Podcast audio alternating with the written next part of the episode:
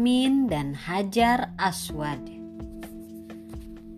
Kini Muhammad sudah dewasa. Semua masyarakat Quraisy menyukainya. Dia terkenal jujur, sopan, dan lemah lembut. Masyarakat Quraisy menjulukinya dengan julukan Al-Amin.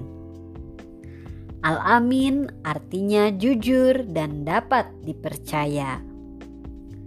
Suatu hari, kaum Quraisy berembuk akan memperbaiki Ka'bah. Rumah Allah itu sudah sangat tua, sehingga sebagian dindingnya lapuk dan rusak.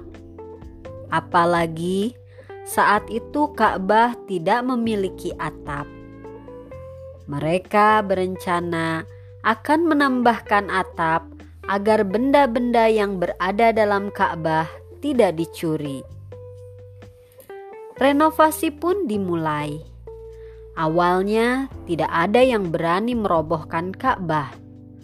Mereka takut akan laknat Allah. Mereka takut sesuatu terjadi seperti yang terjadi kepada Raja Abrohah dan pasukannya.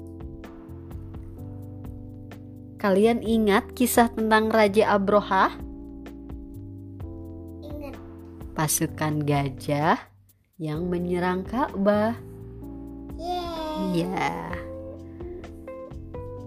Akan tetapi, salah satu pemimpin mereka yang bernama Walid bin Mughirah berdoa agar Allah Subhanahu wa taala mengizinkannya merobohkan Ka'bah. Ya Allah, sesungguhnya aku hanya menginginkan kebaikan. Doa Walid bin Mugiroh. Lalu dia mulai memukul dinding yang sudah rapuh. Dinding itu pun roboh. Alhamdulillah, Walid bin Mugiroh baik-baik saja. Masyarakat Quraisy segera merobohkan sisa dinding yang lain. Mereka menyisakan pondasi asli yang dibuat Nabi Ibrahim alaihi salam. Beberapa bulan kemudian, renovasi Ka'bah selesai. Masalah pun muncul.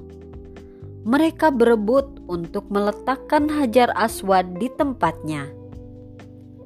Mereka yakin kabilah yang mengangkat batu mulia ini akan mendapatkan derajat yang tinggi. Lalu mereka bermusyawarah untuk mencari kata sepakat. Empat hari empat malam lamanya mereka bermusyawarah. Sayangnya, tidak ada yang mau mengalah.